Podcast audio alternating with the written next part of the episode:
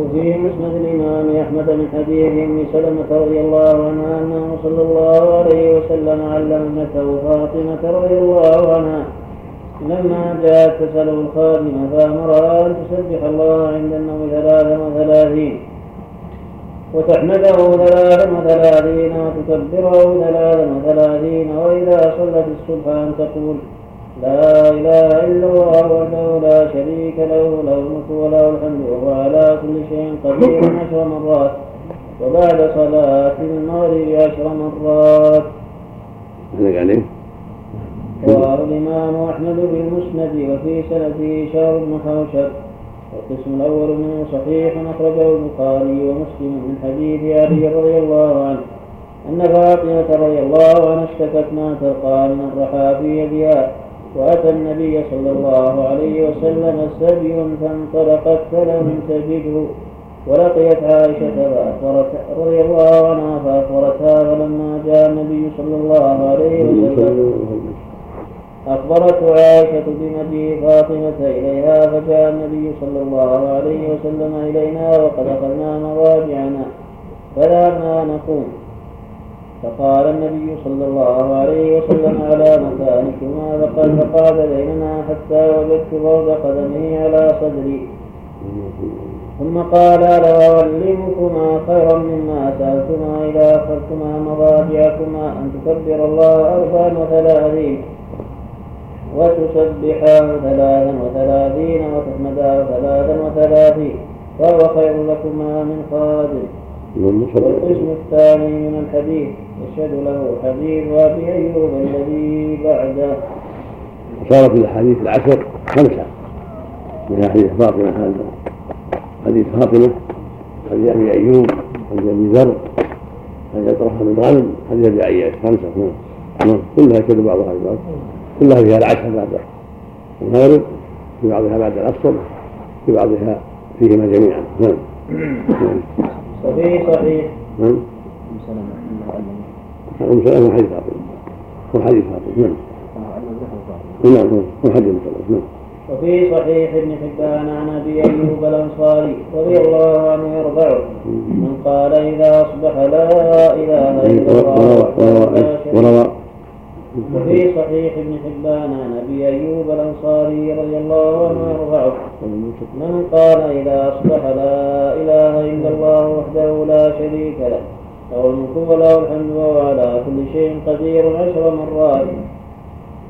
كتب له بهن عشر حسنات ومحي عنه بهن عشر سيئات ورفع له بهن عشر درجات. وكن له عند عتاقة أربع رقاب.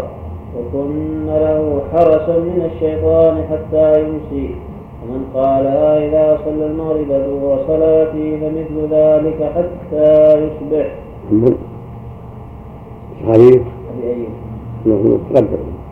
وقد تقدم قول النبي صلى الله عليه وسلم في الاستفتاح الله أكبر عشرا والحمد لله عشرا وسبحان الله عشرا ولا إله إلا الله عشرا ويستغفر الله عشرا ويقول اللهم اغفر لي واهدني وارزقني عشرا ويتعوذ من ضيق المقام يوم القيامة عشرا فالعشر بالأذكار والدعوات كثيرة وأما الإحدى عشرة فلم يجئ ذكرها أيضا الآيتين نعم. نعم. وأما الإحدى عشرة فلم يجئ ذكرها في شيء من ذلك البتة إلا في بعض طرق حديث أبي هريرة المتقدم والله أعلم. وقد ذكر أبو حاتم في صحيحه أن النبي صلى الله عليه وسلم كان يقول عند انصرافه من صلاته. اللهم أصلح لي ديني. وقد ذكر قد ذكر. أبو حاتم في صحيحه. يعني يعني ابن نعم لأن عندهم كما لا يخفى عندهم أبو حاتم الرافي المعروف ليس له كتاب معروف وإنما له كتاب ولد عبد الرحمن يروي عنه في العلم وغيره. وهو أوثق من أبي حاتم بن حبان وأشهر وهو محمد بن إدريس بن منذر الغازي المعروف إمام الحافظ جليل توفى سنة 77 و200 أما أبو حاتم الحبان فهو متأخر وهو محمد بن حبان المعروف صاحب الصحيح صاحب ورث الأفكار صاحب الثقات والضعف المتوفى سنة 54 و300 بعده المساء نعم.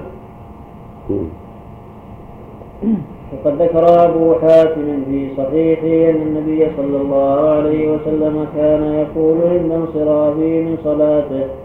اللهم أصلح لي ديني الذي جعلته عصمة أمري وأصلح لي دنياي التي جعلت بها معاشي. اللهم إني أعوذ برضاك من سخطك وأعوذ بعفوك من نقمتك وأعوذ بك منك لا مانع لما أعطيت ولا معطي لما منعت ولا ينفع ذا الجد منك الجد. وذكر الحاكم في مستدركه عن أبي أيوب. أنه قال ما صليت وراء نبيكم صلى الله عليه وسلم إلا سمعته حين ينصرف من صلاتي يقول. اللهم اغفر لي خطاياي وذنوبي كلها. اللهم اللهم أنعمني وأحيني وارزقني واهدني لصالح الأعمال والأخلاق. اللهم اللهم أنعمني نعم. وأحيني نعم.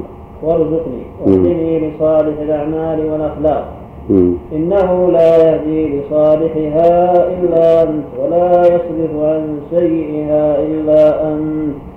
وذكر ابن حبان في صحيحه. ما هذا قال ابن حبان الحاكم الحديث الأول رواه ابن حبان من حديث ابن أبي السري قال قرئ على حفص بن ميسرة وأنا أسمع. قال حدثني موسى بن عقبة عن عطاء بن أبي مروان عن أبيه. أن كعبا حلف له بالله الذي خلق البحر لموسى. أنا نجد في التوراة أن داود النبي صلى الله عليه وسلم كان إذا انصرف من الصلاة. كان إذا انصرف من الصلاة قال وابن أبي السري وهو محمد بن متوكل ضعيف كثير غلط له مناكير كثيرة وجاء في صحيح مسلم حديث أبي هريرة من غير تقييد. أنه صلى الله عليه وسلم كان يقول اللهم أصلح لي دين الذي هو عصمة أمري وأصلح لي دنياي التي فيها معاشي وأصلح لي آخرتي التي فيها معادي واجعل الحياة زيادة لي في كل خير واجعل الموت راحة لي من كل شر. وهذا من الدعوات المطلقة التي ثبتت عنه صلى الله عليه وسلم من الدعوات المطلقة غير مقيدة بالصلاة ولا غيرها رواه مسلم. نعم. مو من قال. نعم نعم. على بيت الحاكم نعم. رواه الحاكم. وفي سنده محمد بن سنان الخزاز وهو ضعيف وعمر بن مسكين. لم يوثقه غير ابن حبان. قال البخاري لا يتابع عليه. وفي الباب عن أبي أمامة عند ابن السني. وفي سنده علي بن يزيد الألهاني وهو ضعيف. نعم ينبغي المؤمن يتحرى الأحاديث الصحيحة. يحرص عليها لأنها أهم. أما الروايات الضعيفة التي قد تشغله عما هو أهم. نعم. نعم. نعم. الحديث السابق في التكبير عشرة من الاستفتاح علق عليه. فيما مضى. قال وتارة يقول الله أكبر الله أكبر الله أكبر. الذي بعده. وتارة يقول الله أكبر عشر مرات ثم يسبح عشر مرات. ثم يحمد عشرا ثم يهلل عشرا ثم يستغفر عشرا. ثم يقول اللهم اغفر لي واهدني وارزقني وعافني عشرا. ثم يقول اللهم إني أعوذ بك من ضيق المقام يوم القيامة عشرا. المقام. والله لا لا اظهر بالفتح من القيام يعني. ومن الإقامة. حديث صحيح. رواه أبو داود بالصلاة باب ما يستفتح به بالصلاة وابن ماجه في الإقامة. باب ما جاء في الدعاء إذا قام الرجل من الليل والنسائي في صلاة الليل. باب ذكر ما يستفتح به القيام. وأحمد بن مسند والطبراني في الأوسط من حديث عائشة.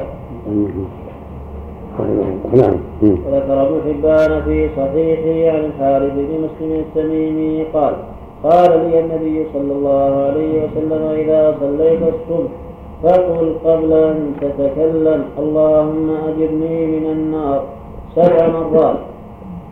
فإنك إن مت من يومك كتب الله لك جوارا من النار.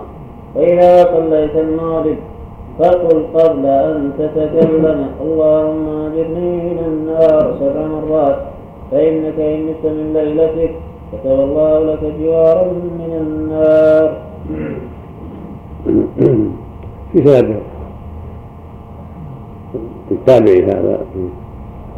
يسأل عرض العدالة قال هالشيء عليه. رواه ابن حبان. وأبو داود. وفي سنده مجهول فهو ضعيف. لكن ما لها شواهد. ما في.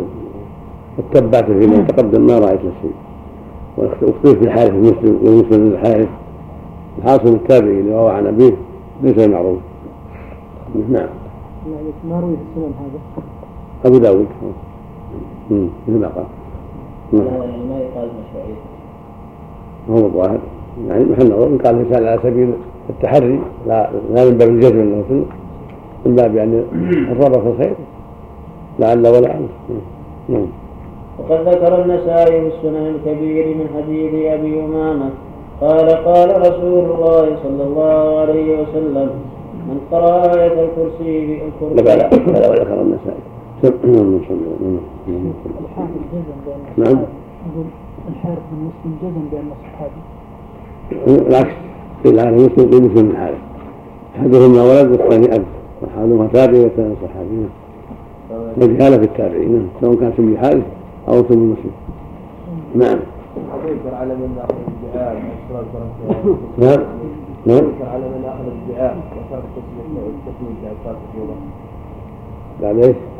الجمعه فيه. يذكر على من اخذ الدعاء اخذ يده وترك يعلم الافضليه السنة يبدأ بالذكر ويدعو بعد ذلك بينه وبين نفسه.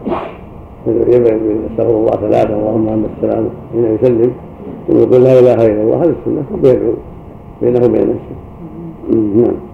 بسم الله الرحمن الرحيم. الحمد لله رب العالمين والصلاة والسلام على أشرف الأنبياء والمرسلين نبينا محمد. وعلى آله وأصحابه أجمعين.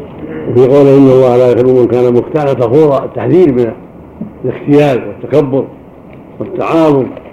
ولو كنت ملكا ولو أعطيت مال قارون ليس لك أن تتكبر.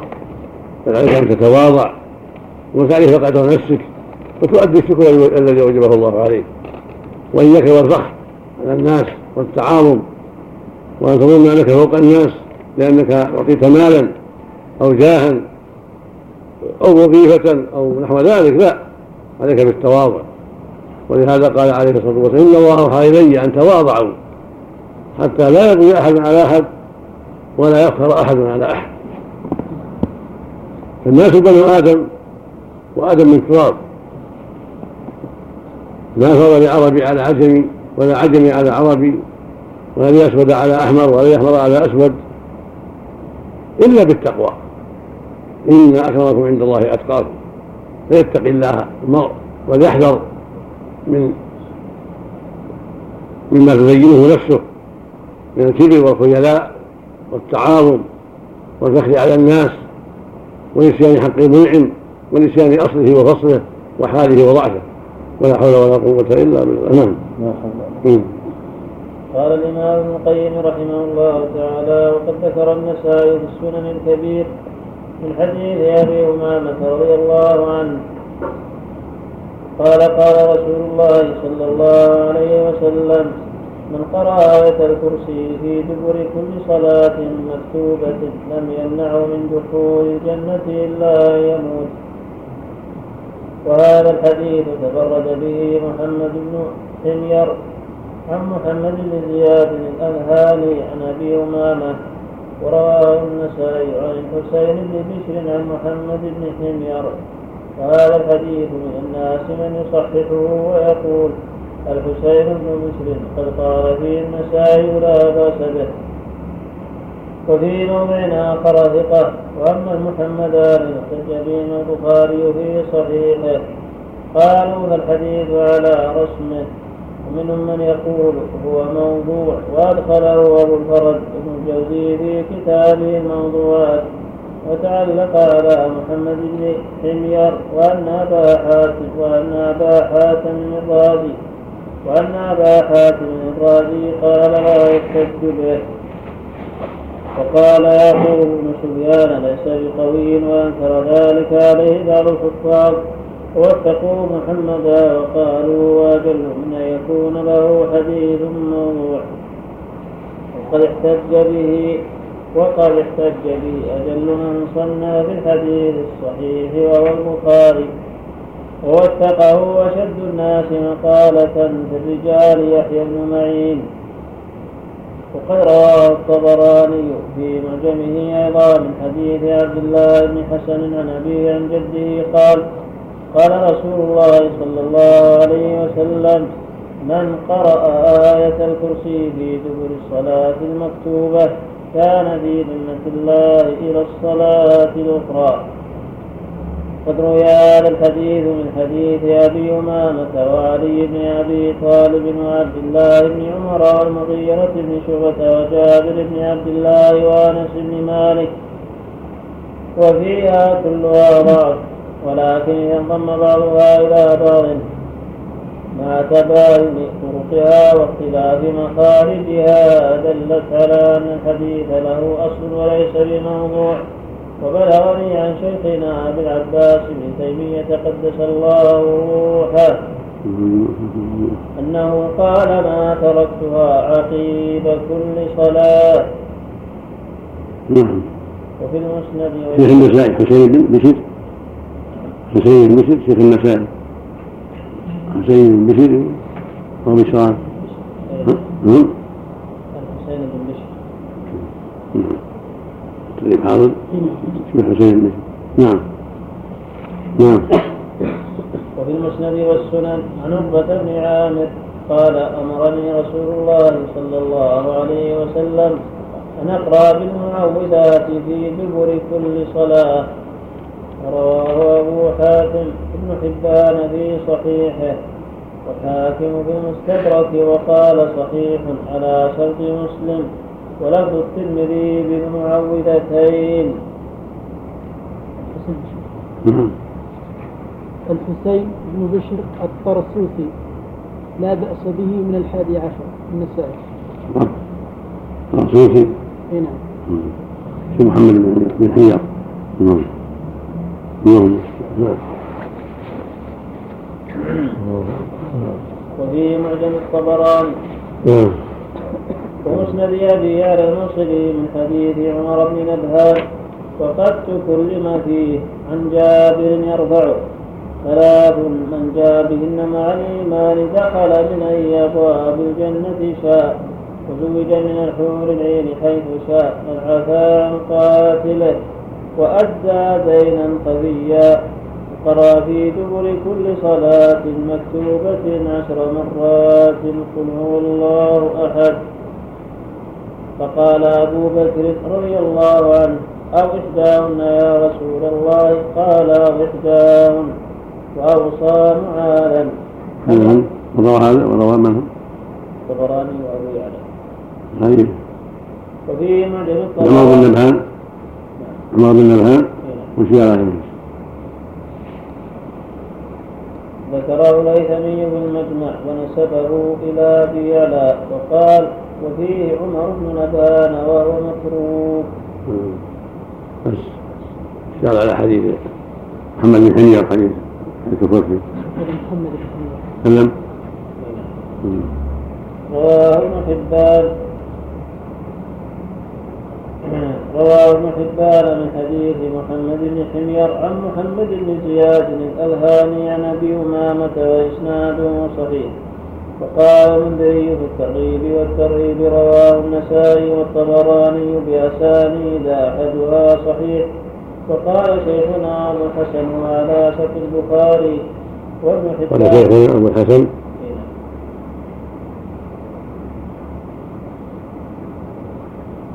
هنا صاحب المجمع. المنذري. المنذر المنذري. كلام المنذري. وقال المنذري في الترغيب. والترهيب. رواه النسائي والطبراني بأسانيد أحدها صحيح. وقال شيخنا أبو الحسن وعلى شرط البخاري. وابن حبان في كتاب الصلاة وصححه وزاد الطبراني في بعض طرقه وقل هو الله أحد وإسناده في هذه الزيادة جيد أيضا وقال الهيثمي في المجمع رواه الطبراني في الكبير والأوسط بأسانيد. وأحدها جيد وحديث أبي أمامة أخرجه السني وحديث وحديث المغيرة بن شعبة أخرجه أبو نعيم بالحلية وسنده حسن. نعم. كان محمد بن حمير بن أنيس السلمي. ليش؟ أي نعم. السلمي بفتح أوله ومهملتين الحمصي صدوق من التاسعة مات سنة 200 البخاري وأبو داود في المراسيل والنسائي. السنة بالنسبة إلى بني سلمة من الأنصار. هذا هو الأصل؟ والحاصل أن هذا الحديث لا بأس به جيد وله شواهد وسنده كما هو ظاهر الآن واضح الصحة ويدل على استحباب قراءة آية الكرسي بعد كل صلاة. يعني سرا الله بينه وبين نفسه آية الكرسي بعد الاستغفار والذكر المشروع المعروف يأتي بآية الكرسي. وكذلك قراءة قل هو الله له معوذتين بعد كل صلاة. كل هذا من المستحبات. مع التكرار ثلاثا في المغرب والفجر. نعم.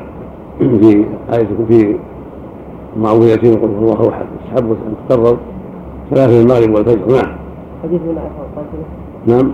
حديث من عفا القاسم هذا ضعيف. نعم. في قراءة عشر مرات هذا ضعيف لأن عمر بن عفان هذا مثل ما قال المحسي متروك من من عزاه الترك من حبان ولا من؟ هيثمي ابن القيم ينبه على في كلام نعم. ما تأدى دين خفيا نعم. أدى يعني هو معروف يعني. لكنه حمله عليه. دينه وخوفه من الله. نعم. نعم. في الباب. نعم. نعم. يقول في الباب في الأحاديث يعني. ذكر ثمانية شواهد. أنها سبعة شواهد لكن فيها مقال. كلها فيها مقال. لكن يحسنها رواية محمد بن حمير عن محمد بن زياد. نعم. نعم. نعم في شواهد له مقوية تدل على الأصل وليس بفرض. نعم. نعم.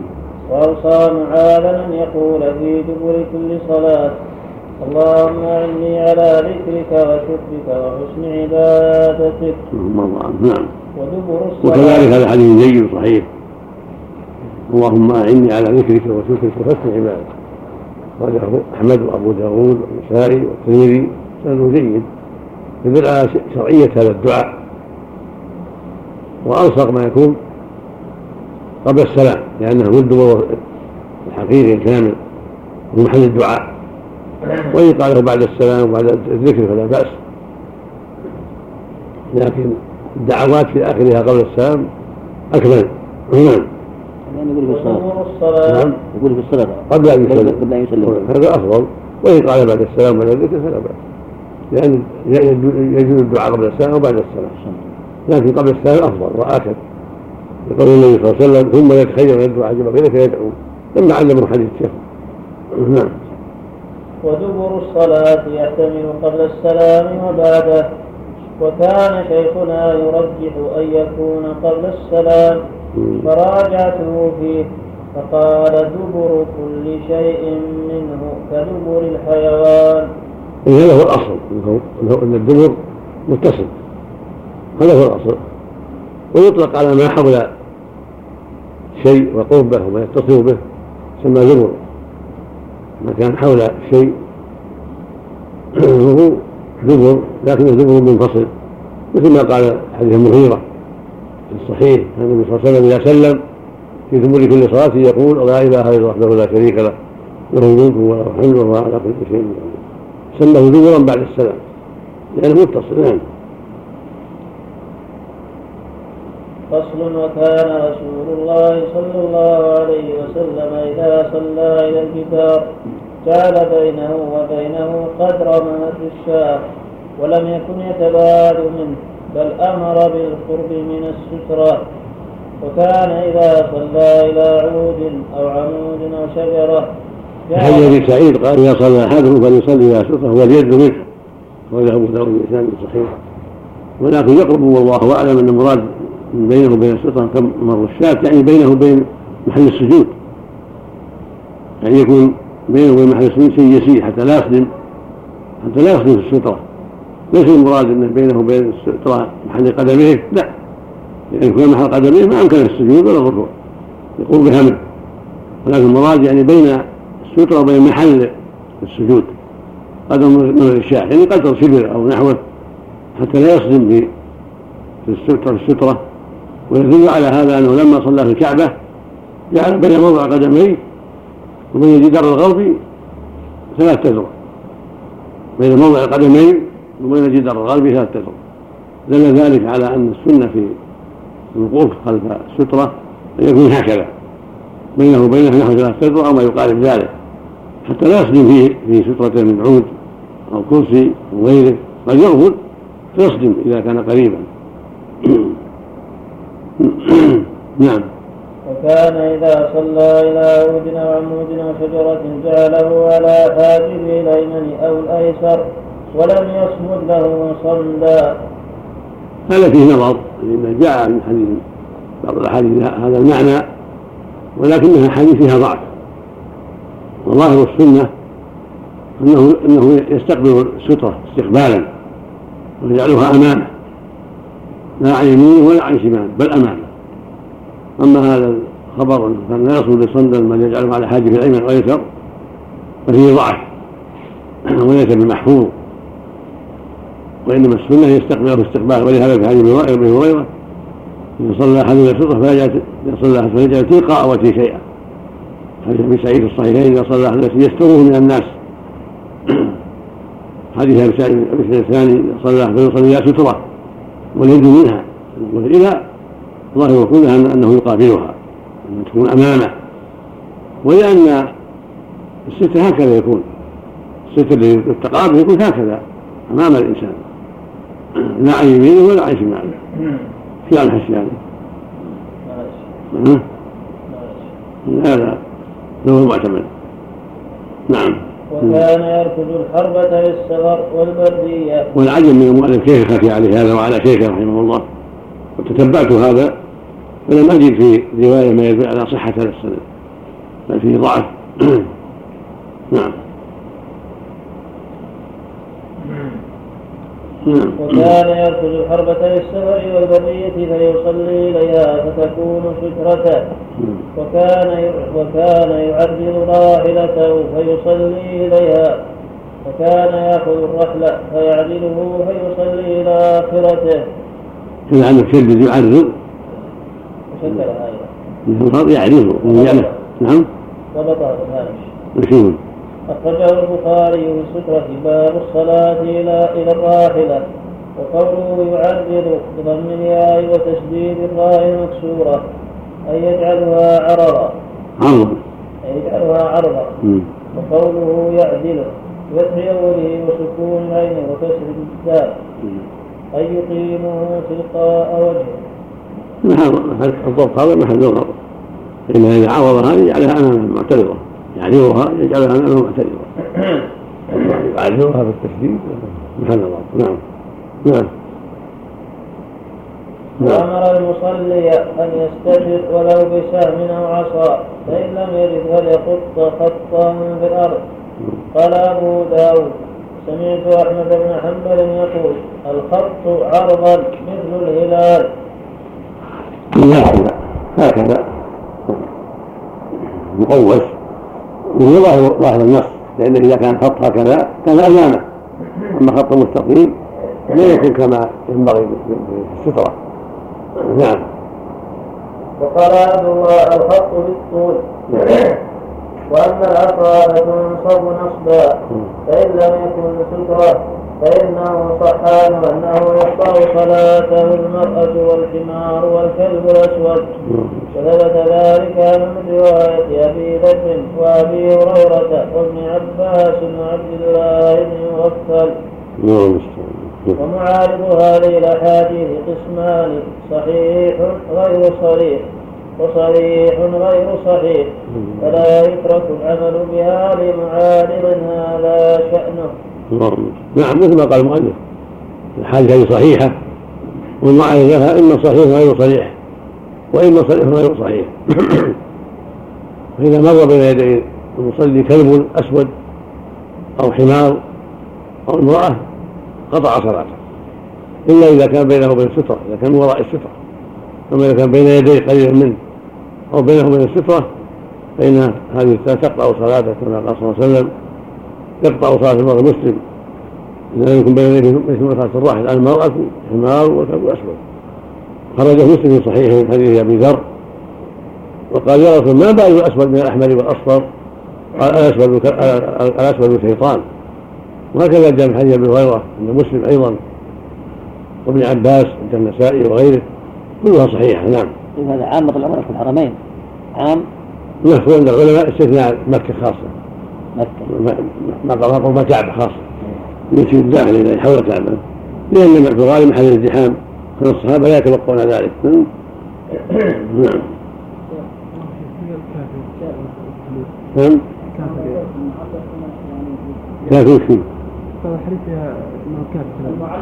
كافر ما ما اعرف ما أعرف هذا الشيء هذا بعض أهل العلم كذلك. بعض بعض العلماء عله به الاضطراب واخرون ذكروا أن حسنه جيد. كما قال الحافظ الحسن قال ولا مسلم من زعم أنه مضطرب بل هو حسن. كذا في البلوغ نعم. نعم. وكان رسول الله نعم. يقاس على ذلك الاسود رب لا ما يقاس بس الكلب خاصة. ما فيها قياس. نعم نعم وكان رسول الله صلى الله عليه وسلم يصلي وعائشة رضي الله عنها نائمة في قبلته. وكان ذلك ليس كالنار. فإن الرجل محرم عليه المرور بين يدي المصلي. ولا يكره له أن يكون لابثا بين يديه. وهكذا المرأة يقطع مرورها الصلاة دون لبسها والله أعلم. نعم. فصل. في هديه صلى الله عليه وسلم في السنن الرواتب أحسن اللهم صل رحمه الله نعم. جمع الاعتراض عائشة إن قام زجد غمزها قام ما يمهمه ليس من الموضوع يعني ليس يدل على جواز الصلاة إلى المعتذر يعني نايم نعم. نعم. قال ان المكان ضيق ولم يكن ان تتقدم وتتاخر على كل حال ما له وجه. كلام المرور غير الاعتراض. نعم. غير الجلوس وغير الاضطجاع نعم. قول عائشة شبهت النوم بالاختلاف هذا اجتهادها. رضي الله عنه واجتهادها ما يعرض به السنة.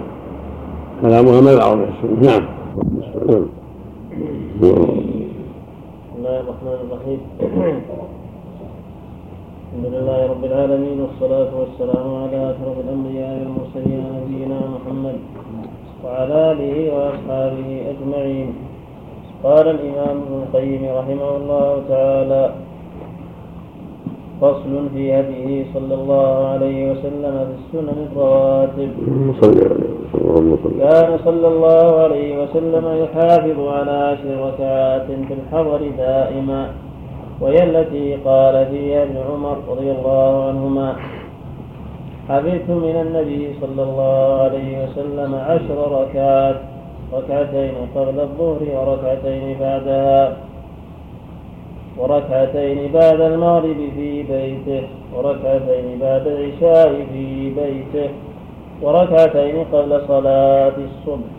فهذه لم يكن يدعها في الحضر أبدا. صلى عليه وسلم. ولما فاتته الركعتان بعد الظهر قضاهما بعد العصر وداوم عليهما.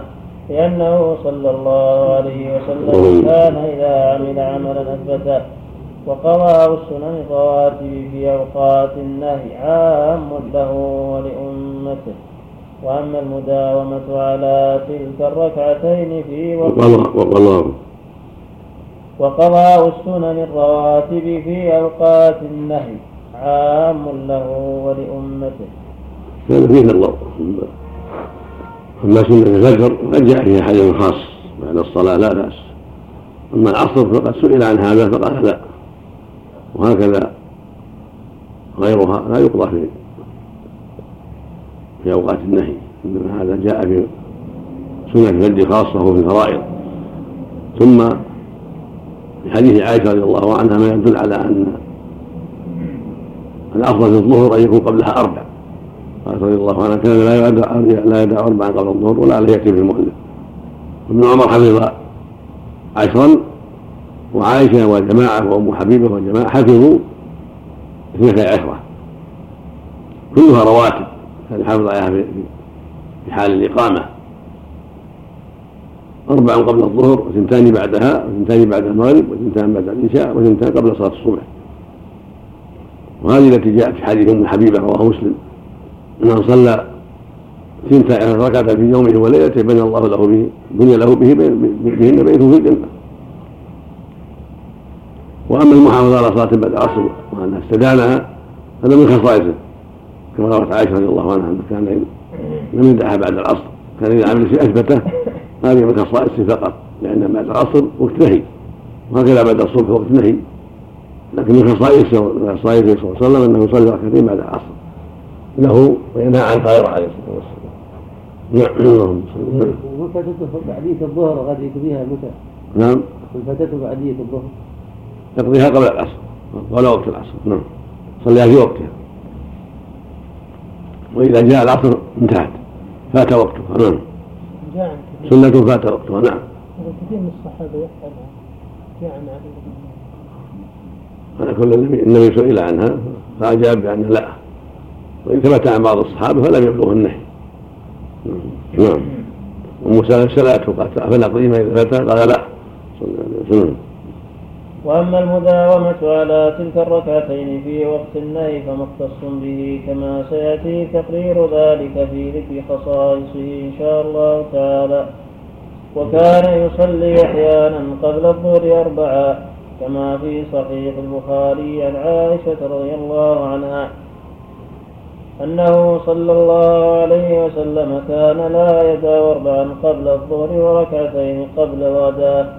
فإما أن يقال إنه صلى الله عليه وسلم كان إذا صلى في بيته صلى أربعا وإذا صلى في المسجد صلى ركعتين وهذا أظهر.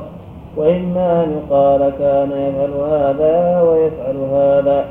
حكى كل من عائشة ومن عائشة وابن عمر ما شاهده والحديثان صحيحان لا مطن في واحد منهما. وقد يقال إن هذه الأربع لم تكن سنة الظهر بل هي صلاة مستقلة. كان يصليها بعد الزوال كما ذكره الإمام أحمد عن عبد الله بن السائب رضي الله عنه. أن رسول الله صلى الله عليه وسلم كان يصلي أربعا بعد أن تزول الشمس وقال إنها ساعة تفتح فيها أبواب السماء. عليه. فأحب أن يصعد لي فيها عمل صالح. رواه الإمام أحمد بن مسند والترمذي في الصلاة. باب ما جاء في الصلاة عند الزوال وإسناده حسن. وفي الباب عن أبي أيوب عند الطيالسي وهو حسن في الشواهد. نعم صح. وهو موافق لحديث عائشة ولا من يكون هو الراتبة هذا أربعة قبل الظهر. نعم لأن بعد قبل الظهر وبعد الزوال. فلا منافاة نعم. لكن محتمل يكون هذا تارة وتارة عليه الصلاة والسلام. والعائشة لا يدع. إن حسب علمها وابن عمر حسب علمه. رآه يصلي قبل الظهر اثنتين حسب علمه. ويحتمل أن كان هذا كان في آخر حياته. فإنه كان اجتهد في آخر حياته في زيادة الأعمال الصالحة. نعم اللهم صل فزاد في في راتبة الظهر. جعلها أربعا عليه الصلاة والسلام. فالحاصل أن أربعة قبل الظهر أفضل. ومن يقتصر على اثنتين. كفى ذلك لأن يكون يصلي أربعا قبل الظهر تكون الرواتب اثنتين فيكون هذا هو الأفضل لأن الزيادة مطلوبة. نعم. وإن صلى قبلها أربعا وبعدها أربعا كان أفضل وأفضل. كما روته أم حبيبة كان يصلي أربعا قبل الظهر وأربعا بعدها بل أنه أم حبيبة قالت رضي الله عنها قال من صلى أربعا روته عنه من قوله من صلى أربعا قبل الظهر وأربعا حرمه الله على النار. نعم. قبل العصر وقبل الجمعة أكثر الناس يعني يعني هذا يعني ما في حد محدود. لو صلى حتى قبل الظهر لو صلى أكثر ما في بأس. لو صلى ست ولا ثمان ولا عشر ما في. وهو وقتين هكذا قبل العصر هكذا قبل الجمعة. ما في حد محدود. صلى اثنتين أو أربعة أو ست أو ثمان أو عشر أو أكثر. وقت صلاة الا إلا أن يدخل خطيب.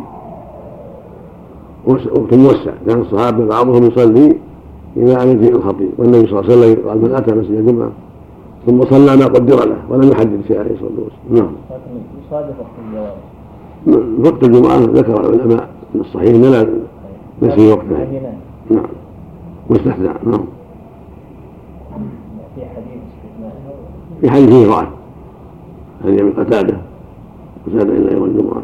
لكن أحاديث حتى على صلاة الصلاة إلى خروج الإمام وعدم استثناء النبي له دل على أن يوم الجمعة لا ينبغي فعل الصحابة كذلك نعم. وفي السنن أيضا عن عائشة رضي الله عنها أن رسول الله صلى الله عليه وسلم كان إذا لم يصلي أربعا قبل الظهر صلاهن بعدا وقال ابن ماجه كان رسول الله صلى الله عليه وسلم. وفي السنن أيضا عن عائشة رضي الله عنها أن رسول الله صلى الله عليه وسلم كان إذا لم يصلي أربعا قبل الظهر صلاهن بعدها. نعم. علق عليه. رواه الترمذي في الصلاة. باب ما جاء في الركعتين بعد الظهر وإسناده حسن. نعم. انتهى. نعم. وقال ابن ماجه كان رسول الله صلى الله عليه وسلم إذا فاتته الأربع قبل الظهر صلاها بعد الركعتين بعد الظهر. وفي الترمذي عن علي بن أبي طالب رضي الله عنه قال كان رسول الله صلى الله عليه وسلم يصلي أربعا قبل الظهر وبعدها ركعتين. وذكر ابن ماجه أيضا عن عائشة رضي الله عنها كان رسول الله صلى الله عليه وسلم يصلي أربعا قبل الظهر يطيل فيهن القيام ويحسن فيهن الركوع والسجود؟ وذكر ابن ماجه أيضا عن عائشة رضي الله عنها. كان رسول الله صلى الله عليه وسلم يصلي أربعا قبل الظهر يطيل فيهن القيام ويحسن فيهن الركوع والسجود. نعم رواه ابن ماجه في قامة الصلاة. باب في الأربع ركعات قبل الظهر. وفي إسناده قابوس بن أبي ظبيان الجنبي. جنبي الجنبي وهو لين الحديث كما قال الحاكم في التقريب وباقي رجاله ثقات نعم. الله إذا لم يصلي أربعا قبل الظهر صلاهن بعدها. نعم. هذا الافضل صليها بعدها لأن الوقت وقت واحد. ظاهر رواية الترمذي فيما أعلم أنه يصليها اولا ثم يصلي اثنتين ظاهر رواية ابن ماجه إنه يصلي اثنتين ثم الاربعه لكن تراجع روايه ابن ماجه. نعم. والمؤلف رحمه الله علق الحديث علق الكتاب في السفر. ولا يعتني ببعض الأسانيد رحمه الله. نعم. لأنه قد قد لا يتمكن من ذلك وهو في في رحلات السفر. نعم. قال لا روايه ابن ماجه على ذلك إنه كان يؤخرها بعد الثنتين. وهو تعرض لها. وقال ابن وذكر ابن ماجه. وقال ابن ماجه كان رسول الله صلى الله عليه وسلم إذا فاتته الأربع قبل الظهر صلاها بعد الركعتين بعد الظهر. ما علق عليه؟ بلى.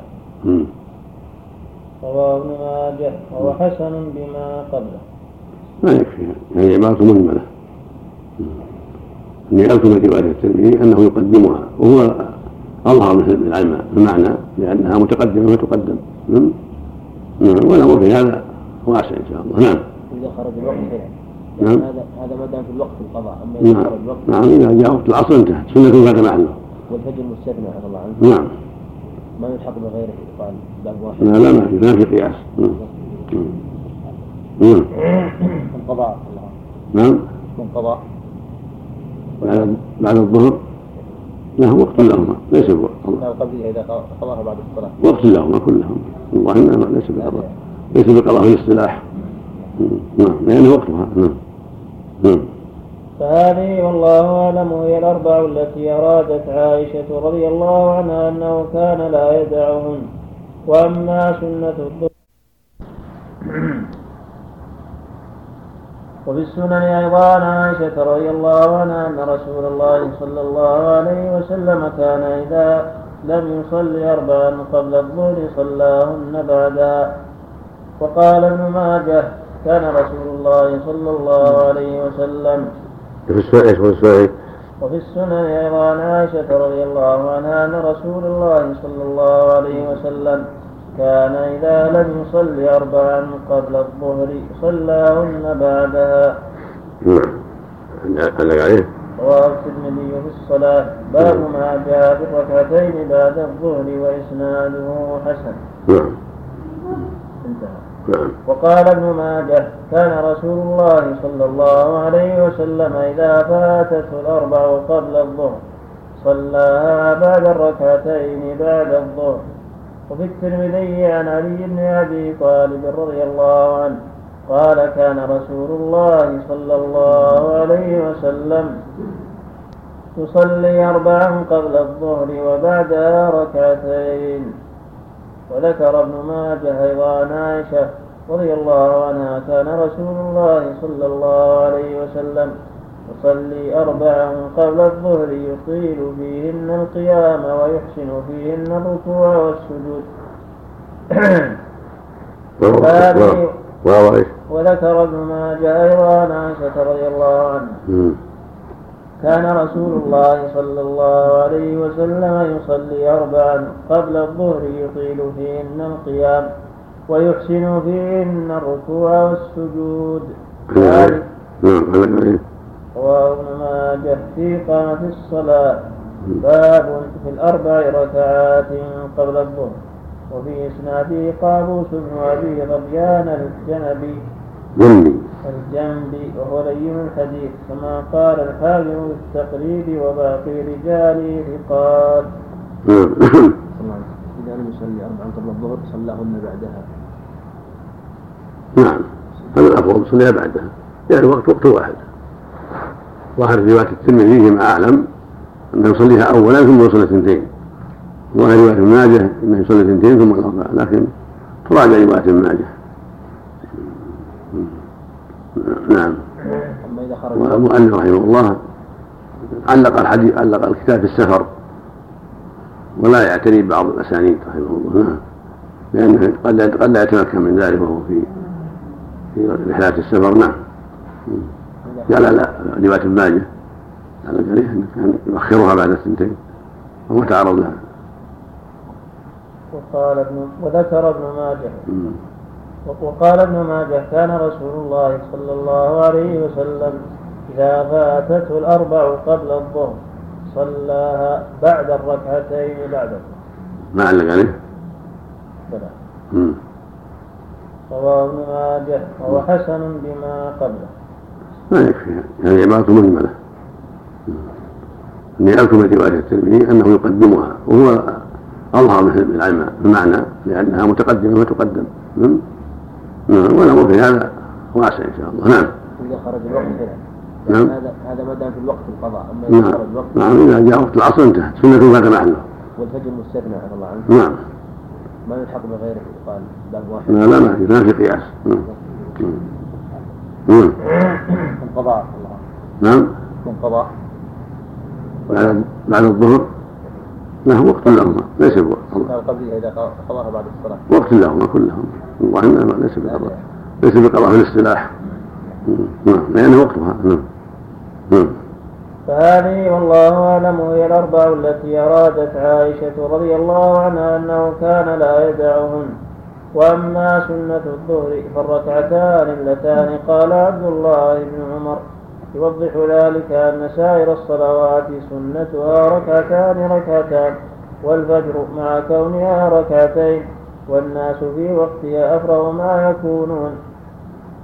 ومع هذا سنتها ركعتان وعلى هذا فتكون هذه الأربع التي قبل الظهر وردا مستقلا سبب انتصاب النهار وزوال الشمس.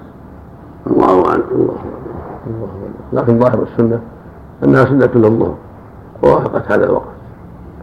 هي سنة الظهر وفيها مناسبة لانصراف الشمس ودخول وقت الظهر. ولهذا عدتها أم حبيبة في روايتها عن النبي صلى الله عليه وسلم تبع الظهر. نعم.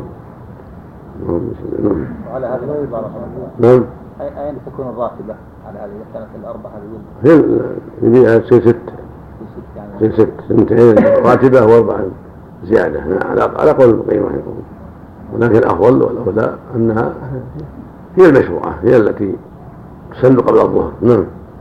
الله إليكم إذا نام أمر عن صلاة الصبح استيقظ على طلوع الشمس ينويها قضاء وأداء يصليها على غرسها ما لزم يمينية. يصلي سنة الفجر ثم يصلي الفجر. سمى غداء وسمى قضاء. لأن القضاء هو الأداء. نعم. قضاء كذا فعل كذا أدى كذا. نعم. هو أكون اصطلاحي. ما يترتب عليه حكم. نعم. نعم.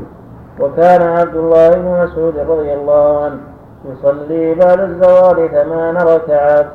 ويقول إنهن يعدلن إنهن يعدلن بمثلهن من قيام الليل. وكان عبد الله بن مسعود رضي الله عنه يصلي بعد الزوال ثمان ركعات ويقول إنهن يعدلن بمثلهن من قيام الليل. وسر هذا والله أعلم عليه نعم.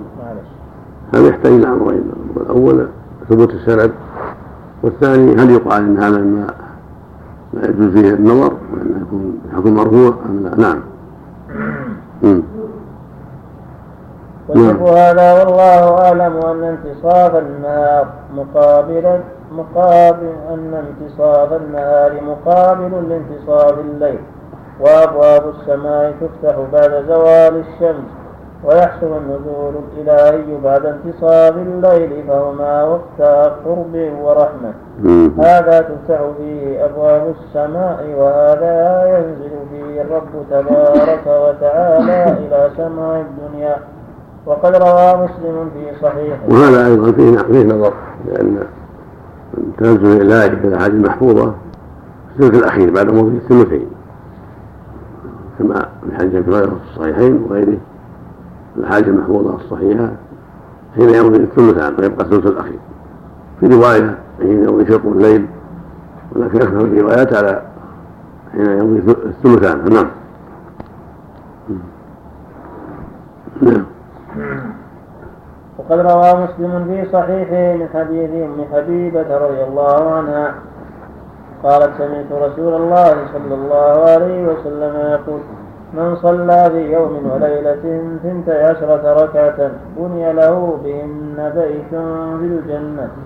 وزاد النسائي والترمذي فيه أربعا قبل الظهر وركعتين بعدها وركعتين بعد المغرب وركعتين بعد العشاء وركعتين قبل صلاة الفجر.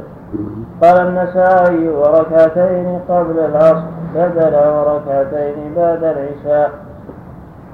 وصححه الترمذي وذكر ابن ماجه عن عائشة رضي الله عنها ترفعه من ثابر على ثنتي عشرة ركعة من من السنة. بنى الله له بيتا في الجنة. أربعا قبل الظهر وركعتين بعدها وركعتين بعد المغرب وركعتين بعد العشاء وركعتين قبل الفجر.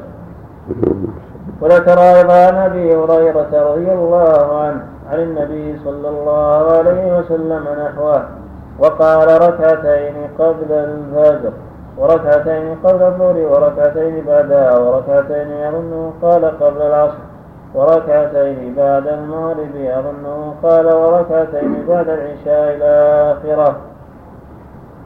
وهذا التفسير يحتمل أن يكون من كلام بعض الرواة مدرجا في الحديث.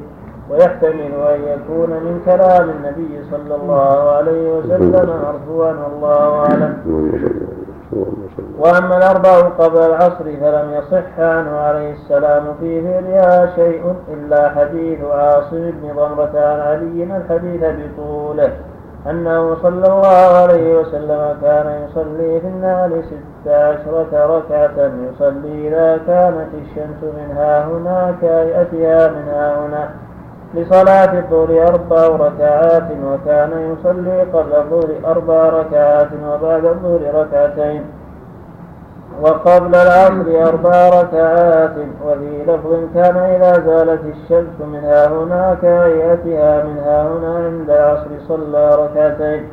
وإذا كانت الشمس من ها هنا كهيئتها من ها هنا عند الظهر صلى أربعا ويصلي قبل الظهر أربعا وبعدها ركعتين وقبل العصر أربعا ويفصل بين كل ركعتين بالتسليم على الملائكة المقربين ومن تبعهم من المؤمنين والمسلمين. وسمعت شيخ الإسلام ابن تيمية رحمه الله تعالى ينكر هذا الحديث ويدفعه جدا ويقول إنه موضوع ويذكر عن أبي إسحاق الجوزجاني الجوزجاني إنكاره وقد وقد رواه لعله يذكر. ويذكر عن أبي إسحاق الجوزجاني. الجوزجاني الجوزجاني نعم. ضابط زي عندك ضابط زي والله أخذتها لأن معروف جوزجاني بلاد. جوزجاني نعم. ويذكر عن أبي إسحاق الجوزجاني إيه. ويذكر. حافظ حافظ جيد. إبراهيم بن يعقوب رحمه الله. نعم. شيخ النسائي. نعم. وأبي داود. نعم. ويذكر عن أبي إسحاق الجوزجاني انكاره وقد روى أحمد وأبو داود والترمذي من حديث ابن عمر رضي الله عنهما عن النبي صلى الله عليه وسلم أنه قال رحم الله امرأ صلى قبل العصر أربعة. وقد اختلف في هذا الحديث فصححه ابن حبان وعلله غيره. قال ابن أبي حاتم سمعت أبي يقول سألت أبا الوليد الطيالسي. سألت أبا الوليد الطيارسي عن حديث محمد بن مسلم بن المثنى نبي. عن ابن عمر رضي الله عنهما عن النبي صلى الله عليه وسلم. رحم الله امرا صلى قبل العصر أربعا. فقال دع ذا فقلت إن أبا داود قد رواه فقال قال أبو الوليد كان ابن عمر يقول حفظت عن النبي صلى الله عليه وسلم عشر ركعات في اليوم والليلة. فلو كان فلو كان هذا لعدة قال أبي كان يقول حفظت اثنتي عشرة ركعة وهذا ليس بعلة أصلا. نعم لأن هذا قول هذا قول النبي ابن عمر ذكر فعل النبي صلى الله عليه وسلم. وهذا من قوله لا من فعله. نعم. نعم. وهذا ليس بعلة أصلا فإن ابن عمر إنما أخبر بما حفظه من فعل النبي صلى الله عليه وسلم. لم يخبر عن غير ذلك فلا تنافي بين الحديثين البتة. لكن الأقرب تقدم تقدم جزء المؤلف بأنه لم يصح. وهنا ظاهره الصحة من حديث ابن عمر. قد سبق لي أن تتبعته مدة سنوات واتضح لي أنه صحيح. حديث عمر هذا صحيح. وأنه مثل ما أشار ابن القيم هنا فجزمه في أول كلامه لم يصح في تناقض ولكنه رجع أخيرا في هذا الكلام إلى صحته. فلا وفي الحشر رواه أحمد في المسند والترمذي في الصلاة. باب ما جاء في الأربع قبل العصر. وأبو داود في الصلاة. باب الصلاة قبل العصر. وسنده حسن. وصححه ابن حبان. هذا هو المعتمد انه لا باس به نعم. إيش؟ حديث علي؟ حديث نعم ما اتبع ما أتبع. عاصم في كلام كثير ولا اتبعت فيه. ما تتبعته. المحشي إيش قال؟ قال؟ رواه احمد في المسند والترمذي نحوه وقال ابن ماجه في اقامه الصلاة. باب ما جاء فيما يستحب من التطوع بالنهار. وقال الترمذي حديث حسن وهو كما قال. وقال وقال قال إسحاق بن راهوي أحسن شيء روي في تطوع النبي صلى الله عليه وسلم هذا. الإمام ذكر رحمه الله رواه مسند علي يأتي إن شاء الله في مسند علي درس الصبح. رواه فيما يذكر من عند الطرق عن عاصم ضمره عاصم ضمره هذا معتمد لا بأس به. له رواية كثيرة عن علي.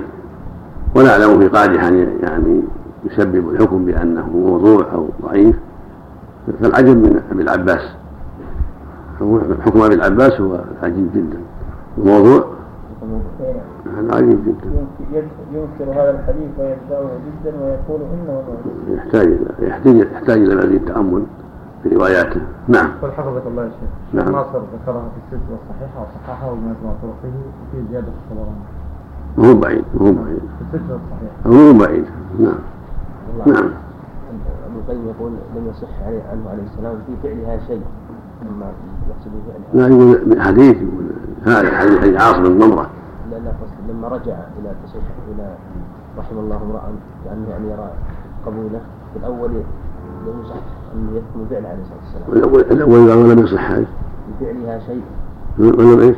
وأما. عليه وأما. وأما الأربع قبل العصر إيه؟ فلم يصح عنه عليه السلام في فعلها شيء إلا إلا حديث عاصم بن ضمرة العدل في فعلها؟ نعم. لا حينئذ لا لا تناقض ما قال في فعلها؟ طيب. في عاصم بن ضمرة؟ تقريب هذا؟ في عاصم نعم. نعم. وأما الركعتان قبل المغرب فإنه لم ينقل عنه صلى الله عليه وسلم أنه كان يصليهما وصح عنه أنه أقر أصحابه عليهما. وكان يراهم يصلونهما فلم يأمرهم ولم ينهاهم في الصحيحين عن عبد الله المزني عن النبي صلى الله عليه وسلم أنه قال صلوا قبل المغرب صلوا قبل المغرب. قال في الثالثة لمن شاء كراهة أن يتخذها الناس سنة.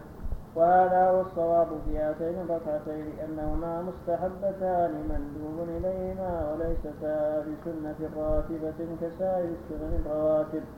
نعم. ليس ليس واجب- واجبة. هذه السنة يعني سنة لازمة. لأن بكرة أمر صلوا صلوا يقتضي اللزوم فلما قال لمن شاء زال زالت تهمة ظنية الوجوب أو حكم الحكم الوجوب. وبقي الاستحباب. نعم. عاصم نعم. عاصم بن ضمرة السلوي الكوفي صدوق من الثالثة. عاصم بن وحيش السلوي. كذا إيش؟ أو السلوي. سلولي السلولي نعم. لامين السلولي الكوفي نعم. صدوق من الثالثة. مات سنة أربع وسبعين الأربعة. طيب. نعم. نعم. ما ما ترك في الصحيحين حيث حديث عبد الله بن مزني ماذا؟ نعم. قال رواه البخاري في الصلاة في التطوع باب الصلاة قبل المغرب وفي الاعتصام باب نهي النبي صلى الله عليه وسلم عن التحريم إلا ما تعرف إباحته.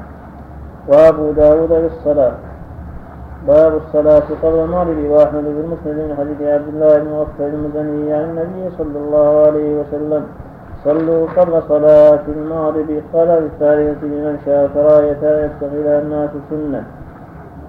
ورواه مسلم في صلاة المسافرين. باب بين كل أذانين صلاة ولفظه بين كل أذانين صلاة.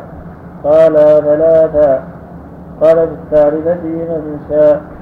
رواه محبان في الصلاة باب الصلاة قبل المغرب بلفظ أن رسول الله صلى الله عليه وسلم صلى قبل المغرب ركعتين وإسناده صحيح. ما يكون. نعم. هذا يكون في مسلم. على هذا المؤلف رحمه الله كان خشي عليه الوالد أما صلوا هذه عند البخاري فقط كما ذكر الحافظ وغيره. حتى أما بين بين كل أذانين لفظ آخر غير لفظ صلوا. وهذا عام. كل أذانين هذا عام للصلوات كلها. يعني التعقب في محله نعم. نعم. يعني فات على الجميع. فات على هذا وهذا نعم. لكن كان تأدب من الحشي كان يعني اعتراض في تأدب رواية مسلم ليست بهذا اللفظ بل بلفظ آخر. لكن ينبغي يكون يصرح. وهذا اللفظ ليس في مسلم وإنما في مسلم كذا وكذا. نعم. نعم. نعم. وكان يصلي عامة السنن والتطوع الذي لا سبب له في بيته لا سيما سنة المغرب. فإنه لم ينقل عنه أنه فعلها في المسجد البتة. قال الإمام أحمد في رواية حنبل السنة أن يصلي الرجل الركعتين بعد المغرب في بيته. مع البتة. نعم. يكفي وهي بت- بتة معلش. سبق لنا في سنة أبي داود. رواية المثال لا بأس به أنه صلاها في المسجد في بعض الأحيان وأطال أيضا. ذكر الشارع أن هذا يحمل على أنه في بعض الأحيان والغالب يصليها في بيته عليه الصلاة والسلام. مر قريبا في سنة أبي داود نعم. نعم. خطأ الإشارة علق عليه. رواية أبي داود نعم. اللهم صل نعم. كذا روي عن النبي صلى الله عليه وسلم وأصحابه. قال الشاعر بن يزيد لقد رأيت الناس في زمن عمر بن الخطاب إذا انصرفوا من المغرب انصرفوا جميعا حتى لا يبقى في المسجد أحد كأنهم لا يصلون بعد المغرب حتى يصيروا إلى اهلهم انتهى كلامه. فإن صلى الركعتين في المسجد فليجزي عنه؟ واتقوا موقعها اختلف قوله. فروان بن عبد الله. أنه قال بلغني عن رجل سماه أنه قال لو أن رجلا صلى ركعتين بعد المغرب في المسجد ما أجزأه. فقال ما أحسن ما قال هذا الرجل وما أجود من انتزع هذا هذا في نظر. هذا في نظر. لأمرين الأمر الأول فعل الصلاة في البيت من باب الفضيلة. كما قال صلى الله عليه وسلم أفضل صلاة في البيت إلا المكتوب جعل أفضل فقط. كما في الصحيحين. يدل على أنه إذا صلى في المسجد فلا بأس. الأمر الثاني ما تقدم لك أنه صلى في بعضها في المسجد في المغرب. هذه قاعدة. لكن إن صلت في المسجد فلا بأس لكن أفضل في البيت. يعني في الصحيحين حديث زيد بن ثابت رضي الله عنه أنه قال أفضل صلاة النبي صلى الله عليه وسلم قال إنه افضل أفضل ما قال لا يصلوا إلا في البيت أو لا يجوز إلا في البيت قال أفضل صلاة البيت إلا المكتوبة فدل على أن إذا صلى الضحى في المسجد أو سنة الظهر أو المغرب أو العشاء أو الفجر في المسجد كله لا بأس به. لكنه ترك الافضل فقط. نعم. نعم.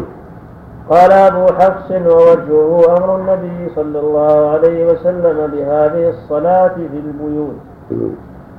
وقال المروزي من صلى ركعتين. المروزي. لعله المروزي لأن المروزي سمع مسلم. محمد بن نصر. يقال أبو بكر المروزي. المروزي نعم. في آخر. ها؟ في آخر. ما أعلم فيه ما أعلم فيه في الأصحاب أحمد إلا هذا أبو بكر المروني كانت يذكر كنيته كانت يسقط كنيته. نعم. وغيره مروزي نعم.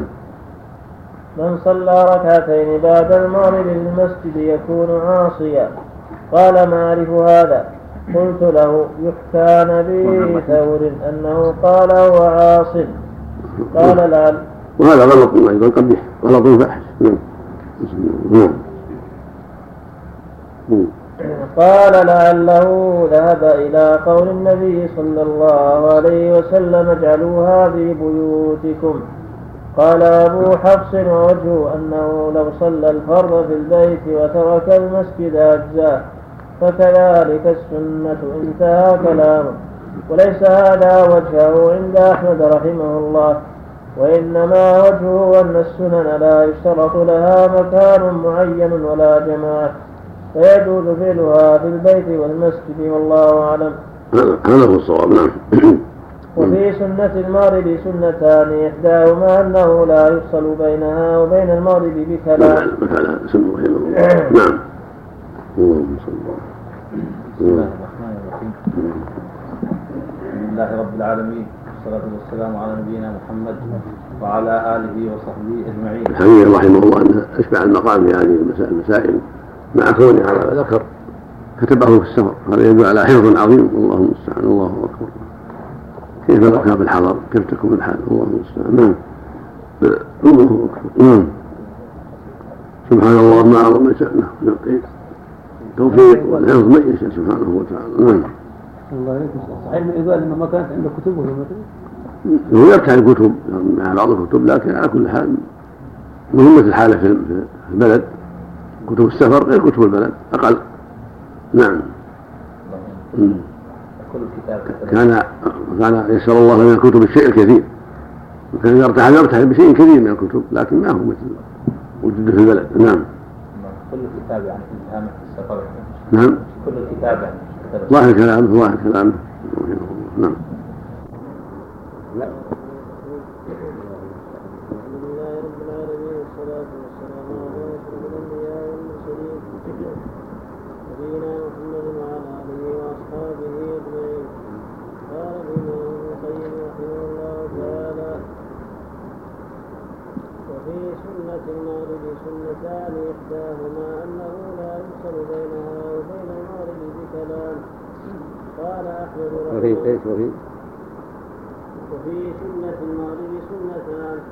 إحداهما أنه لا يفصل بينها وبين المغرب بكلام. قال أحمد رحمه الله في رواية الميمون والمروزي يستحب أن لا يكون قبل الركعتين. لعل لعل المرون المني والمرون نعم. نعم. يعني إذا أراد المروزي ينبه عليه نعم. نعم. في رواية الميمون والمروزي مرون نعم. نعم. يستحب أن لا يكون قبل الركعتين بعد المغرب. يستحب أن لا يكون قبل الركعتين بعد المغرب إلى أن يصليهما كلام. وقال الحسن بن محمد رأيت أحمد إذا سلم من صلاة المغرب قام ولم يتكلم ولم يركع بالمسجد قبل أن يدخل الدار قال أبو حفص ووجهه قول مفتون قال رسول الله صلى الله عليه وسلم من صلى ركعتين بعد المغرب قبل أن يتكلم تبعت صلاته في عليين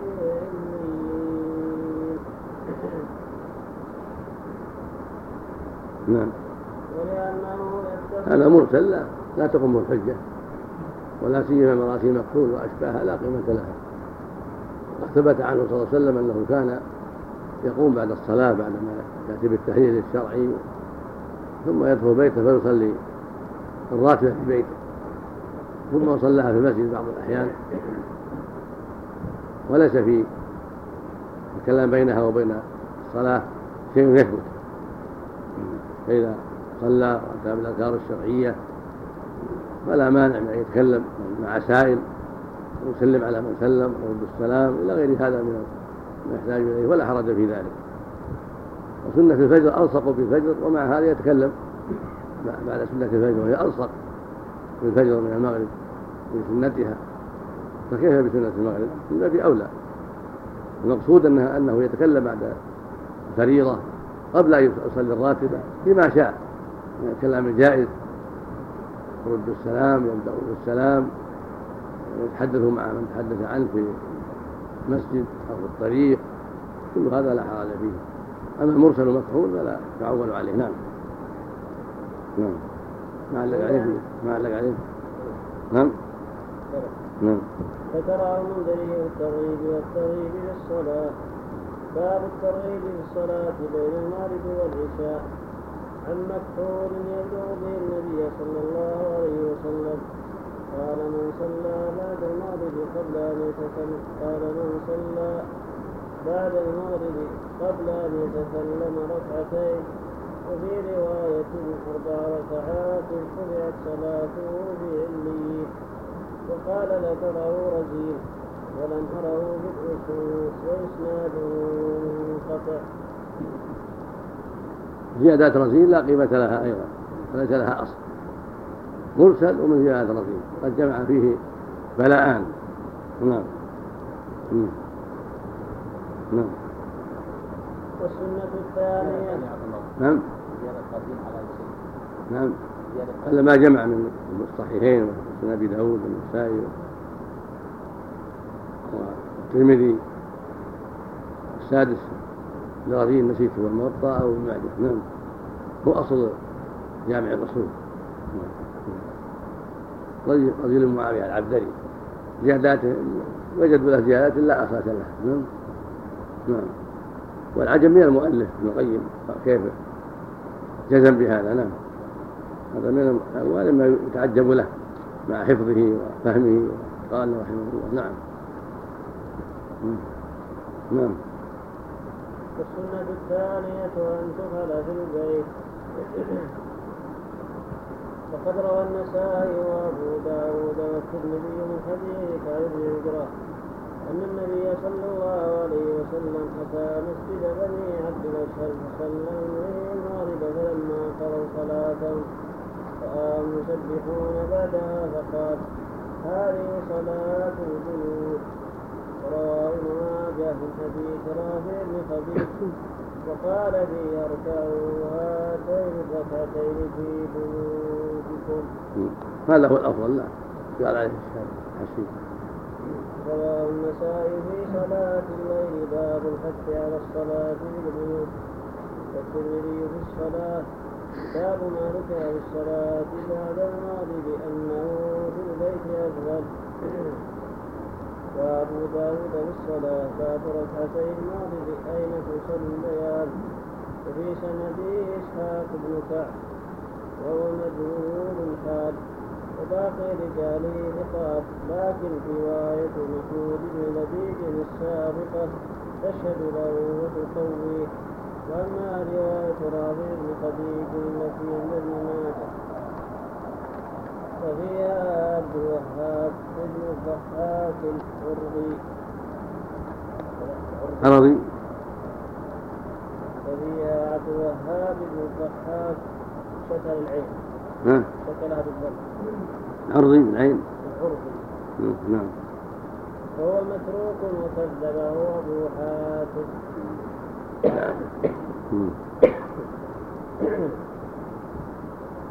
والمقصود أن هذا النبي صلى الله عليه وسلم فعل عامة السنن والتطوع في بيته كما في الصحيح عن ابن عمر رضي الله عنهما عن النبي صلى الله عليه وسلم عشر ركعات ركعتين قبل الظهر وركعتين بعدها وركعتين بعد المغرب في بيته. وركعتين بعد العشاء في بيته. وركعتين قبل صلاة الصبح. وفي صحيح مسلم عن عائشة رضي الله عنها قالت كان النبي صلى الله عليه وسلم يصلي في بيته أربعا قبل الظهر. ثم يخرج فيصلي بالناس. ثم يدخل فيصلي ركعتين. وكان يصلي بالناس المغرب. ثم يدخل فيصلي ركعتين ويصلي بالناس العشاء ثم يدخل بيته فيصلي ركعتين. وكذلك المحفوظ عنه في سنة الفجر إنما كان يصليها في بيته كما قالت حفصة. وفي الصحيحين عن ابن عمر رضي الله عنهما أنه صلى الله عليه وسلم كان يصلي ركعتين بعد الجمعة في بيته. وسيأتي الكلام على ذكر سنة الجمعة بعدها والصلاة قبلها عند ذكر في الجمعة إن شاء الله تعالى. هو موافق لقوله صلى الله عليه وسلم أيها الناس صلوا في بيوتكم. فإن أفضل صلاة المرء في بيته إلا المكتوبة وكان وهذا رواه الشيخان عن زيد بن ثابت. أنه قال أفضل صلاة المرء في بيته إلى المكتوبة. نعم. بالنسبة للنوافل. إذا إنسان فاته النوافل ممكن يقضي لا ما تقضى إلا تهجد الليل صلى الضحى. إذا فاته تهجد الليل صلى الضحى هناك في حديث آخر الرسول صلى الله عليه وسلم كان قضى النوافل في بعض الحالات في بيته. نعم. في بعض الحالات الرسول صلى الله عليه وسلم قضى النوافل في بيته نعم. في حديث عائشة. هل هذه خاصية به؟ وهذا هو هذا. صلاة النوافل في بيته. بعدها بعد الظهر في بيته بعد العشاء في بيته بعد المغرب في بيته في أوقاتها. ثم بعد خروج أوقاتها لا تقرأ. إلا التهجد بالليل يصلي نهارا. أقول في حديث نعم. ذكرته عائشة قال الرسول صلى الله عليه وسلم قضى نوافل الظهر بعد صلاة العصر. لا هذا عن عن أم سلمة آه، لكن هذا خاص بالنبي. خاص به. نعم. جزاك الله. نعم. وكان هدي النبي صلى الله عليه وسلم فعل السنن والتطوع في البيت إلا لعاله كما أن هديه كان فعل الفرائض في المسجد إلا لعارض من سفر أو مرض أو غيره. مما يمنعه من فكان تعاهده ومحافظته على سنة الفجر أشد من جميع النوافل ولذلك لم يكن يدعها هي والوتر سفرا وحضرا وكان للسفر يواظب على سنة الفجر والوتر أشد من جميع النوافل دون سائر السنن ولم ينقل عنه صلى ولم ينقل عنه بالسفر أنه صلى الله عليه وسلم. صلى راتب صلى سنة راتبة غيرهما. ولذلك كان ابن عمر رضي الله عنهما لا يزيد على ركعتين. ويقول سافرت مع رسول الله صلى الله عليه وسلم. ومع ابي بكر وعمر رضي الله عنهما فكانوا لا يزيدون بالسفر على ركعتين وهذا وإن احتمل أنهم لم يكونوا يربعون إلا أنهم لم يصلوا السنة لكن قد ثبت عن ابن عمر أنه سئل عن سنة الفجر بالسفر فقال لو كنت مصبحا لأتممت فما هذا من فقهه رضي الله عنه فإن الله سبحانه وتعالى خفف عن المسافر بالرباعية شطرها. فلو جعل الركعتان قبلها وبعدها لكان إتمامه لابع وقد اختلف الفقهاء أي الصلاتين آتت سنة الفجر أو الوتر. على قولين ولا يمكن الترجيح باختلاف الفقهاء في وجوب الوتر. فقد اختلفوا أيضا في وجوب سنة الفجر. وسمعت شيخ الإسلام ابن تيمية يقول سنة الفجر تجري مجرى بداية العمل. والوتر والوتر خاتمته ولذلك كان النبي صلى الله عليه وسلم يصلي سنة الفجر والوتر بسورتي الإخلاص. وهما الجامعتان لتوحيد العلم والعمل وتوحيد المعرفة والإرادة وتوحيد الاعتقاد والقصد انتهى وسورة هذه مناسبة. وجيهة ولهذا كان يحافظ على سنة الفجر في السفر والحضر. وهي مبدأ عمل النهار مبدأ عمل النهار والوتر هو ختام صلاة الليل. كان يحافظ على الوتر أيضا كذلك. هذه المناسبة لها وجاهتها ويقرأ في سنة الفجر قل يا أيها الكافرون قل هو الله أحد. وهما سورة الإخلاص سورة التوحيد. وهكذا في ركعتين قبل الوتر يقرأ في في ثانية من الثنتين قل يا أيها الكافرون. وفي الوتر قل هو الله أحد. كانت مناسبة في ختام صلاة الليل بسورتي الإخلاص وفي بدء صلاة النهار بسورتي الإخلاص. وهكذا أيضا يقرأهما في سورة المغرب.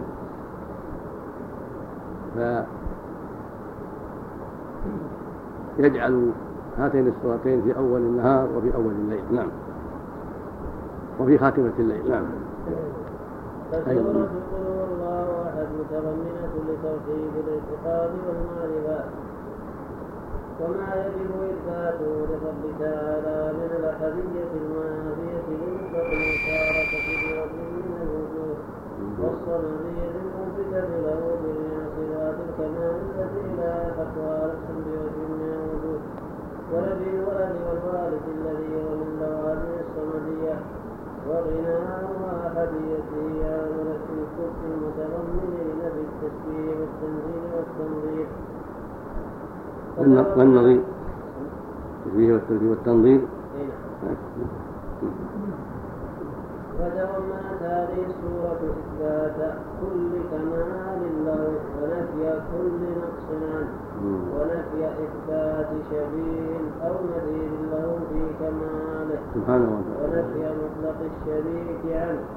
وهذه الأصول هي مجامع التوحيد العلمي الاعتقادي الذي يباين صاحبه جميع فرق الضلال والشرك. ولذلك كان التعبير من القرآن فإن القرآن مداره على الخبر والإنشاء. والإنشاء ثلاثة أمر نهي وإباحة. والخبر نوعان خبر عن الخالق تعالى وأسمائه وصفاته وأحكامه. وخبر عن خلقه.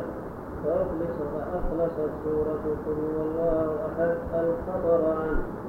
وعن أسمائه وصفاته فعدلت ثلث القرآن.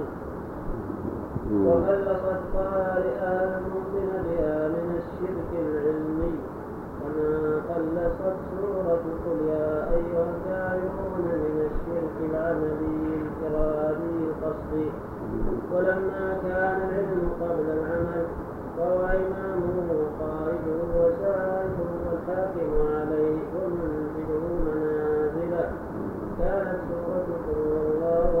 تحمل دون القرآن والأحاديث بذلك تكاد تبلغ مبلغ التواتر ولما كان العلم قبل العمل نعم. وهو إمامه وقائده وسائقه والحاكم عليه.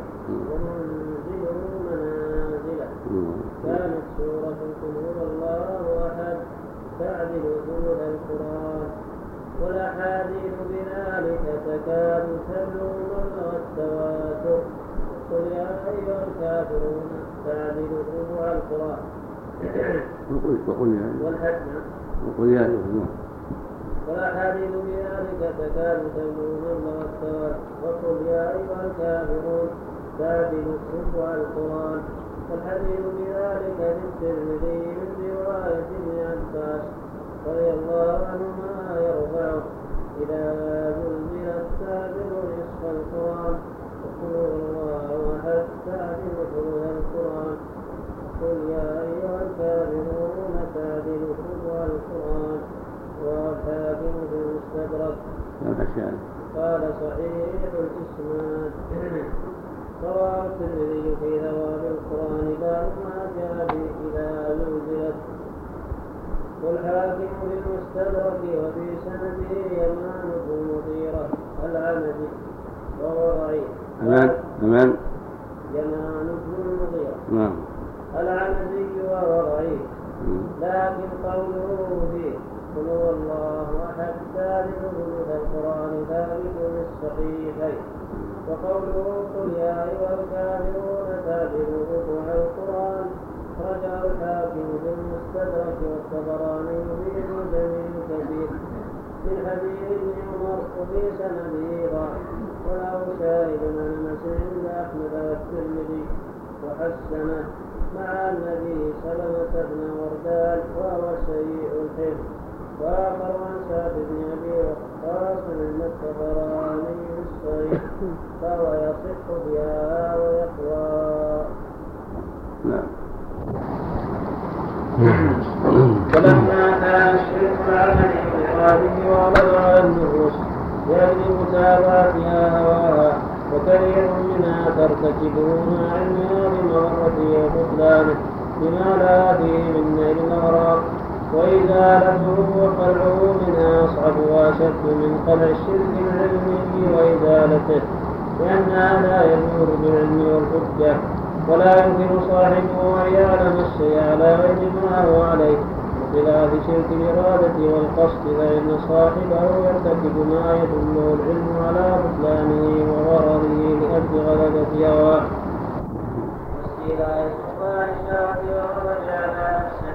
وجاء من التأكيد والتكرار في سورة قل يا أيها الكافرون المتضمنة لإزالة الشرك العملي.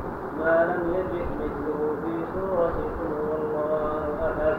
ولما كان القرآن شطرين شطرا في الدنيا وأحكامها ومتعلقاتها والأمور الواقعة فيها من أفعال المكلفين وغيرها وشطرا في الآخرة وما يقع فيها.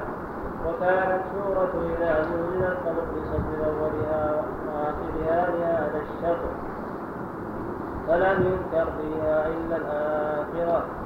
وما يكون فيها من أحوال الأرض وسكانها فهذا التعبير نصف القرآن فأحرى بهذا الحديث أن يكون صحيحا والله أعلم. ولهذا كان يقرأ بها سأحري بهذا. سأحري فأحري. بهذا الحديث أن يكون صحيحا الله أعلم.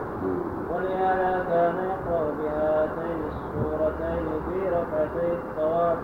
ولأنهما سورة الإخلاص والتوحيد كان يفتتح بهما عمل النهار ويختم بهما ويقرأ بهما في الحج الذي هو شعار التوحيد والله أعلم. فصل فصل إيه؟ وكان صلى الله عليه وسلم يضطجع بعد سنة بعد سنة الفجر على شقه الأيمن. قل يا أيها الكافرون تعدلوا ربع القرآن نعم. قل يا أيها الكافرون تعدلوا ربع القرآن يصل إلى درجة الحسن نعم. يصل إلى درجة الحسن. في نظر. في نظر.